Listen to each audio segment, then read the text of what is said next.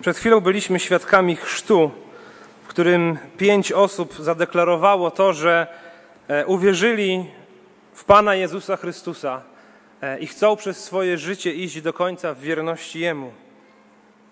Wyznali swoją wiarę w Niego i to, że tutaj na ziemi i w wieczności chcą być z Nim. I chciałbym na około 20-20 kilka minut skupić naszą uwagę na fragmencie Słowa Bożego abyśmy i my wszyscy tutaj zebrani, my wszyscy zgromadzeni w swoich domach przed ekranami komputerów, również pochylili się nad tym pytaniem: Czy wyznałeś swoją wiarę w Jezusa Chrystusa? I czy idziesz za nim w swoim życiu? Czy podjąłeś taką decyzję, odpowiedziałeś wiarą na wezwanie Chrystusa, by pójść za nim? Jeśli tak, to jak mija tobie ta podróż? Jeśli nie, to dlaczego nie? I dlaczego by dzisiaj tego nie uczynić. Chciałbym Was zaprosić do dziesiątego rozdziału Ewangelii Marka. Jeśli macie ze sobą swoje Biblię, to zachęcam tam i otwórzmy. Ewangelia Marka, rozdział dziesiąty. Znajduje się tutaj historia o pewnym człowieku, który chciał być zbawiony, który chciał mieć życie wieczne, który chciał żyć z Bogiem, ale kompletnie nie wiedział, na czym to zbawienie polega. I myślę, że ten sam problem mają dzisiaj miliony ludzi na świecie i, i w Polsce, w naszym kraju. Jest w nas poczucie tego, że chyba jest coś więcej niż ten świat materialny. Wielu z nas jest to poczucie, że jest coś więcej niż tylko to, czego doświadczamy zmysłami, że jest Bóg, że jest Stworzyciel. Ale jednocześnie, co mogę zrobić, aby żyć z Nim e, w pokoju, aby mieć z nim prawdziwą relację, taką jak ma e, e, dziecko ze swoim ojcem, i aby spędzić nim, z nim wieczność w niebie. Przeczytajmy pierwszą część tej historii, którą chciałbym dzisiaj omówić, od wersetu 17 w 10 rozdziale Ewangelii Marka. A gdy Jezus wybierał się w drogę, przybiegł ktoś, upadł przed nim na kolana i zapytał go: Nauczycielu dobry, co mam czynić, aby odziedziczyć żywot wieczny? A Jezus odrzekł: Czemu mnie nazywasz dobrym? Nikt nie jest dobry, tylko jeden Bóg. Znasz przykazania: nie zabijaj, nie cudzołóż, nie kradnij, nie mów fałszywego świadectwa, nie oszukuj, czcij ojca swego i matkę swoją. A on mu odpowiedział: Nauczycielu, tego wszystkiego przestrzegałem od młodości mojej. Wtedy Jezus spojrzał na niego z miłością i rzekł mu: Jednego ci brak. Idź, Sprzedaj wszystko, co masz i rozdaj ubogim, a będziesz miał skarb w niebie. Po czym przyjdź i naśladuj mnie. A ten na to słowo sposępniał i odszedł zasmucony, albowiem miał wiele majętności.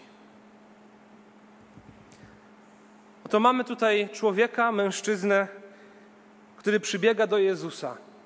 Jezus jest wtedy już bardzo znaną e, postacią. Prawdopodobnie wszyscy w Izraelu o nim słyszeli. Wielu ludzi przychodziło do Jezusa, aby go posłuchać, aby doświadczyć jego działania, aby zadać mu nurtujące pytanie i otrzymać odpowiedź. Ale byli też tacy, którzy go nienawidzili, nie lubili, nie podobało im się to, co on mówił, był przeszkodą w realizowaniu swoich celów i często krytykował ich. I myślę, że e, to podejście do Jezusa wtedy i dzisiaj wcale się nie zmieniło. Że i dzisiaj w naszym kraju postać, osoba Jezusa Chrystusa jest znana chyba, chyba wszystkim Polakom. Każdy słyszał o Jezusie i każdy ma do Niego jakiś stosunek. Niektórzy są Jego uczniami i chcą iść wiernie za Nim przez swoje życie. Inni są zainteresowani tym, e, co On głosił. Jest to dla nich ciekawe, pouczające. Jeszcze inni e, nie zgadzają się z Nim, nie chcą mieć z Nim nic e, wspólnego. Jeszcze inni Go nienawidzą. Uważają, że jest kimś niedobrym, odrzucają go całkowicie. I najistotniejszym pytaniem, jakie człowiek może sobie zadać, i z tym pytaniem właśnie przybiega ten mężczyzna do Jezusa, pada przed nim na kolana i mówi: Nauczycielu dobry, co mam czynić, aby odziedziczyć żywot wieczny? Jest to najważniejsze pytanie, jakie człowiek musi zadać. Co mam zrobić, aby odziedziczyć żywot wieczny? Co mam zrobić, abym żył z Chrystusem, z Bogiem na wieki? Drodzy, bo jeśli jest w tym życiu coś więcej niż to, co tylko ten, niż tylko ten świat materialny, którego doświadczamy zmysłami, i jeśli e, prawdziwe życie, życie wieczne zaczyna się po śmierci, śmierć nie jest końcem, ale jest przejściem, to nie ma ważniejszego pytania, które musimy, na które musimy znaleźć odpowiedź, jak to, co zrobić, aby tę wieczność spędzić nie w miejscu wiecznej kaźni i wiecznego oddzielenia od Boga w piekle, a spędzić je w niebie, u Jego boku. Ten mężczyzna właśnie z tym pytaniem przybiega do Jezusa. Nazywa go dobrym nauczycielem. Jezus odpowiada mu w formie pytania e, i pokazuje tym samym, że wie, z czym ten człowiek ma największy problem. Jezus pyta go: Dlaczego nazywasz mnie dobrym? Nikt nie jest dobry, tylko jeden Bóg. A następnie pyta go o przykazania. I ten mężczyzna mówi, że przestrzega tych przykazań od młodości. To znaczy, że on sam ma siebie za dobrego człowieka. Uważa, że człowiek jest dobry. Przebiega do Jezusa, mówi nauczycielu dobry. I chociaż Jezus był dobry, bo był Bogiem, to jednak myślę, że to jego pytanie jest takie retoryczne czy konfrontujące. Myślę, że jednym z największych problemów w kwestii zbawienia również i dziś jest to, że my nie potrafimy dobrze ocenić samych siebie. Myślę, że gdybyśmy wyszli dzisiaj na ulicę i zapytali przechodzących tutaj ludzi, czy mają siebie za dobrych ludzi, zdecydowana większość, jeśli nie wszyscy, powiedzieliby tak. Jestem dobrym człowiekiem. Wielu powiedziałoby z pewnością, nie jestem doskonały, no ale kto jest? Nie jestem doskonały, ale w porównaniu z tym czy z tamtym jestem dobrym człowiekiem, nie jestem tak zły jak inni. I dosyć często, kiedy rozmawiam z ludźmi, to zdarza mi się zadać im to pytanie: Gdybyś dzisiaj umarł i stanął przed Bogiem, to co mu powiesz, aby cię wpuścił do nieba? Słowami tego mężczyzny z Ewangelii Marka, jak chcesz osiągnąć żywot wieczny? I zdecydowana większość ludzi odpowiada: No, staram się przestrzegać przykazań.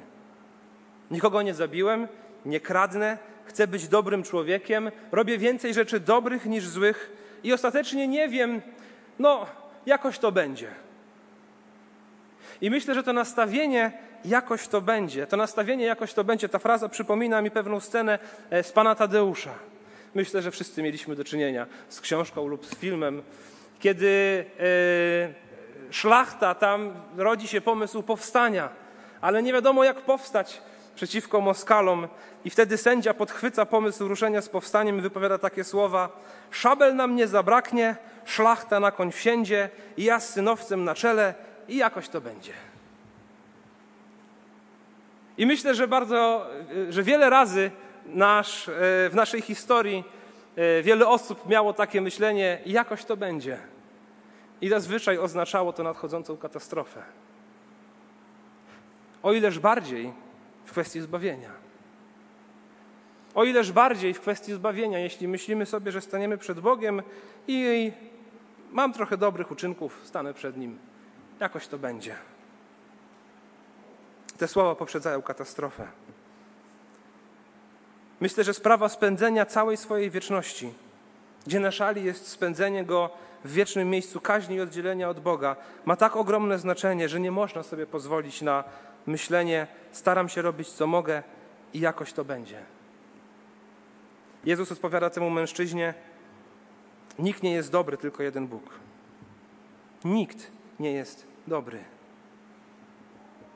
Łatwo przychodzi nam uważanie siebie za dobrych, gdy porównujemy się z innymi ludźmi. Łatwo, zawsze znajdziemy kogoś, kto wedle naszej miary jest gorszy od nas. Ale punktem odniesienia w mierzeniu dobra nie jest inny człowiek. Punktem odniesienia jest Bóg. Jezus mówi: Nie nazywaj mnie dobrym, tylko jeden Bóg jest dobry. To oznacza, że obowiązujące standardy dobra wyznacza Bóg, Jego świętość, Jego miłość, Jego łaskawość, Jego czystość, Jego doskonałość. I kiedy zmierzymy się z Bogiem, absolutnie nikt z nas nie może powiedzieć: Jestem dobry, bo wszyscy wiemy, jacy jesteśmy w środku.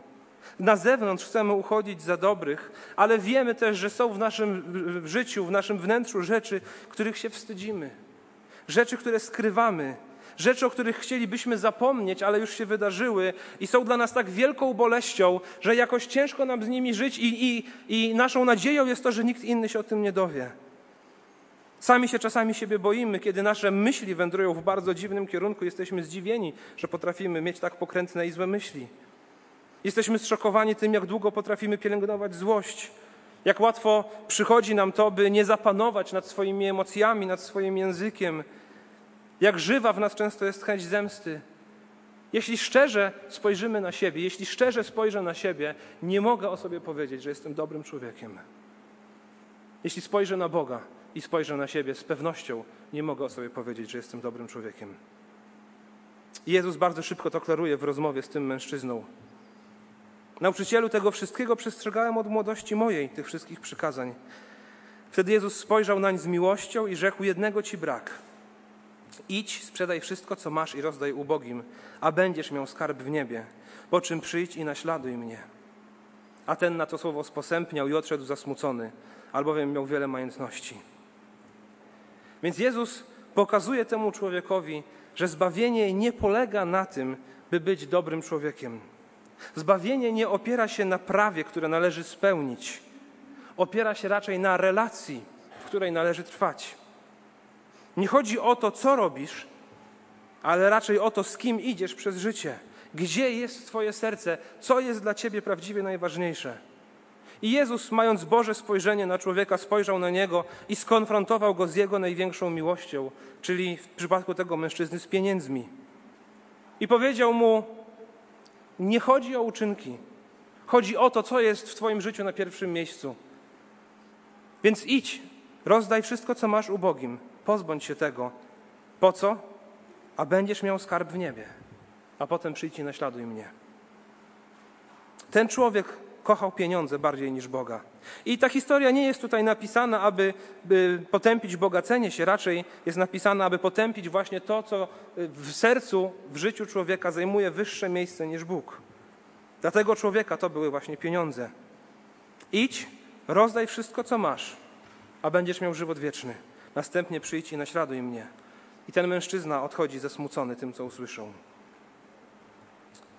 Drodzy, od tych kilku dekad, które spędzamy w tym życiu, nie wiem, ile mi Pan Bóg da lat do przeżycia, nie wiem, ile da Wam, ale od tych kilku dekad spędzonych w tym życiu zależy cała nasza wieczność. I żadnych materialnych dóbr tam ze sobą nie weźmiemy. W ogóle nic materialnego tam na drugą stronę śmierci ze sobą nie wniesiemy. A jednak tak łatwo przywiązujemy się do tego życia, że choć jest ono często pełne problemów i bólu i cierpienia, to i tak nie chcemy się z nim często rozstać. I każdy z nas ma inne priorytety, inne rzeczy sobie ceni w życiu. Ten człowiek kochał pieniądze. Nie wiem, co w Twoim życiu rywalizuje o palmę pierwszeństwa. Dla mnie przez wiele lat to były relacje. Pragnąłem e, przyjaźni i akceptacji w gronie rówieśników i robiłem wiele rzeczy tylko po to, aby im się przypodobać. I kiedy miałem wybór Boża wola albo wola moich kumpli, to wybierałem kumpli. Dla ciebie być może jest to dzisiaj coś innego, może wspaniała kariera, może wielkie wykształcenie, może status społeczny, może rzeczy materialne, może akceptacja najbliższych. Czy jest coś w Twoim życiu, że gdybyś spotkał się dzisiaj z Jezusem, to On by powiedział: rozdaj to innym ludziom, a potem przyjdź i naśladuj mnie. A Ty byś powiedział, powiedziała: nie jestem w stanie tego zrobić. Czy jest coś takiego w Twoim życiu? Gdyby Jezus dzisiaj tutaj był pośród nas, fizycznie obecny, powiedziałby: oddaj to innym ludziom, a Ty byś powiedział, powiedziała: nie mogę tego oddać, nie jestem w stanie z tego zrobić. Jeśli jest coś takiego, to być może wcale nie jesteś chrześcijaninem to być może wcale nie jesteś chrześcijaninem. Może dla wielu ludzi wyglądasz jak dobry człowiek, lubisz o sobie dobrze myśleć, ale w zbawieniu nie chodzi o robienie dobrych rzeczy. Chodzi raczej o postawienie Boga na jedynym właściwym miejscu w swoim życiu, które mu się należy i zrzuceniu wszystkich innych bożków. Jim Elliot był misjonarz w, w, w połowie lat, w połowie XX wieku, który działał w ekwadorskiej dżungli i docierał tam do plemion w dżungli, do których nikt inny wcześniej nie dotarł z zewnątrz. I docierał tam po to, aby głosić im Ewangelię, aby powiedzieć im o Jezusie. Jedno z takich plemion zabiło go i on w dosyć młodym wieku e, tam zginął właśnie w ekwadorskiej dżungli. Ale kiedy pytano go, kiedy tam wyjeżdżał właśnie jako młody człowiek, dlaczego on poświęca najlepsze lata swojego życia, aby e, żyć w bardzo trudnych warunkach i poświęcić siebie całkowicie dla innych, Jim Elliot powiedział swoje takie, myślę, że słynne zdanie: Nie jest głupcem ten, kto oddaje coś, czego nie można zatrzymać, aby zyskać to, czego nie można stracić. Nie jest głupcem ten, kto oddaje coś, czego nie można zatrzymać, aby zyskać to, czego nie można stracić. Nie jesteś w stanie zatrzymać na wieki tego, co tutaj masz. Nie jesteś w stanie. Po śmierci to nie będzie miało żadnego znaczenia. Jakie obfite było Twoje konto, jakim samochodem jeździłeś, jaką szkołę skończyłeś, gdzie pracowałeś i tak dalej, i tak dalej. Tam liczy się coś zupełnie innego. Liczy się to, kim jest dla Ciebie Jezus Chrystus. Życie chrześcijańskie to jest trudne życie. Ich deklaracja tych pięciu osób tutaj w chrzcie, chociaż jest to e, bardzo radosna uroczystość, to jest to bardzo odważna deklaracja, bo życie chrześcijańskie to trudne życie, to życie polegające na zaparciu się samego siebie, na wyrzeczeniu się tego, za czym goni ten świat. Ale jednocześnie jest to najwspanialsze życie, jakie potrafię sobie wyobrazić. Bo kiedy człowiek zrozumie wartość zbawienia, zrozumie, jak wspaniały, niezwykły, potężny, a jednocześnie łaskawy i cudowny i kochający jest Bóg, to nic innego nie warto robić w życiu, jak tylko pójść za Nim. Jak tego dokonać? Jak zatem pokonać tę miłość do wielu innych ziemskich rzeczy tutaj w tym życiu? Bo patrzę na siebie i widzę, że nie potrafię tego zrobić o własnych siłach. Nie potrafię tak się wziąć w sobie i wiecie, natychmiastowo zmienić swoich priorytetów i powiedzieć: Zostawiam to, idę dalej. To jak to się może dokonać? Jak człowiek może doświadczyć tego zbawienia? Werset 23. A Jezus spojrzawszy wokoło, rzekł do uczniów swoich: Jakże trudno będzie tym, którzy mają bogactwa, wejść do Królestwa Bożego. W naszym kontekście może powiedziałby: Jakże trudno będzie tym, którzy kochają ludzi, to do mnie bardziej niż Boga wejść do Królestwa Bożego. Jakże trudno będzie tym, którzy mają swoją tożsamość zbudowaną w oparciu o karierę, wejść do Królestwa Bożego. Jakże trudno będzie tym, którzy kochają ziemskie życie, wejść do Królestwa Bożego. Werset 24 i dalej. A uczniowie dziwili się słowom Jego, lecz Jezus odezwawszy się znowu rzekł do nich: Dzieci, jakże trudno tym, którzy pokładają nadzieję w bogactwach, moglibyśmy powiedzieć w relacjach, w wielu innych rzeczach wejść do Królestwa Bożego. Łatwiej jest wielbłądowi przejść przez ucho igielne, niż bogatemu wejść do Królestwa Bożego. A oni tym bardziej się zdumieli i mówili między sobą, któż więc może być zbawiony? Jezus spojrzał na nich i rzekł, u ludzi to rzecz niemożliwa. U ludzi zbawienie to rzecz niemożliwa, ale nie u Boga. Albowiem u Boga wszystko jest możliwe. Widzisz, drogi przyjacielu, zbawienie u ludzi to rzecz niemożliwa. Nie da się go osiągnąć ludzkimi wysiłkami. Nie da się go osiągnąć siłą woli. Nie da się go osiągnąć swoimi próbami, dobrymi uczynkami. Nie umiem się sam z siebie pozbyć mojego grzechu. Nie umiem pozbyć się moich przywiązań do tego świata. Nie umiem pozbyć się moich złych nawyków. Nie umiem się zmusić do tego, aby chociaż jeden dzień przeżyć bez grzechu, chociaż nienawidzę go szczerze w swoim życiu. Nie umiem. On zawsze gdzieś przy mnie jest, chociaż chcę się od niego odwracać, pokutować, pozostawiać go za sobą, nie potrafię całkowicie. Ale u Boga wszystko jest możliwe. I cały Stary Testament opowiada właśnie o tym, jak człowiek próbuje o własnych siłach żyć z Bogiem. W ogrodzie Eden Adam i Ewa, stworzeni przez Boga, w których on tchnął swoje życie, o własnej woli nie potrafili być ostatecznie posłuszni Bogu poszli za kuszącym ich wężem. Własna wola nie doprowadzi ciebie do Boga. Izrael na pustyni w wielu księgach historycznych pokazał, że nie da się dojść do Boga przez dobre uczynki, nawet kiedy On bardzo jasno określi, co jest dobre, a co jest złe. Nie potrafili tego wypełnić. Królowie i kapłani w Starym Testamencie pokazali, że ludzie szczególnie obdarowani, a nawet wybrani przez Boga, nie są w stanie doprowadzić innych do Niego. System ofiarniczy i świątynia pokazały, że fizyczne miejsce, w którym dosłownie przebywa Bóg, również nie zbawia człowieka. Cały Stary Testament to historia tego, że dla człowieka zbawienie to rzecz niemożliwa. Ale potem otwieramy Nowy Testament.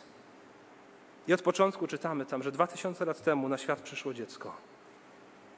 Po Starym Testamencie otwieramy karty Nowego, na których opisane jest to, jak po ludzkich próbach dojścia do Boga, to Bóg przychodzi do ludzi. Urodziło się dziecko, urodził się chłopiec, zupełnie inny niż ktokolwiek wcześniej się urodził, bo to urodził się Bóg w ludzkim ciele. Żył bezgrzesznym, świętym życiem, właśnie takim, jakim my powinniśmy żyć, ale nie potrafimy. Żył w pełni realizując Bożą wolę w swoim życiu, tak jak my powinniśmy to robić, ale nie potrafimy. Kochał innych ludzi, miał dla nich współczucie, litość. Nawet tutaj czytamy, że kiedy zobaczył nędzę tego zgubionego człowieka, który nie potrafił zrezygnować z pieniędzy, zobaczcie, to napisane jest, że Jezus spojrzał na niego z miłością, nie z pogardą, z miłością. Myślę, że tam była litość w tej miłości i po prostu żal tego człowieka. Jezus służył wszystkim potrzebującym pomocy i ostatecznie został zdradzony i poszedł na krzyż. I tam stał się doskonałą ofiarą, jakiej nikt wcześniej nie potrafił złożyć. I tam stał się doskonałym kapłanem, którym nikt wcześniej nie umiał być. I tam stał się doskonałym królem, umierającym za swój lud, jakim żaden człowiek nigdy nie był. Bóg w ludzkim ciele zrobił to wszystko, czego oczekuje się od nas ale On przyszedł i zrobił to za nas, zrobił to z miłości, zrobił to, abyśmy my mogli być z Nim na wieki, zrobił to, aby okazać swoją łaskę i swoją miłość, zrobił to, czego my nie potrafimy. I nie tylko to, On również zmartwychwstał. Śmierć Go nie pokonała. On żyje, On wstąpił do nieba i siedzi po prawicy swego Ojca w niebie i kiedyś powróci tu z powrotem i zapanuje już na zawsze. A zanim to się stanie, wezwał swoich uczniów, aby ci szli na cały świat i głosili tam przesłanie o dobrej nowinie. O zbawieniu tylko z Bożej łaski. O zbawieniu nie na podstawie uczynków, ale wiary w Niego. O zbawieniu, które jest tylko w Chrystusie i o życiu dla Jego chwały. I to niniejszym staram się teraz czynić. I dzisiaj wierzę, że Chrystus wzywa nas do tego, abyśmy Mu uwierzyli i poszli za Nim.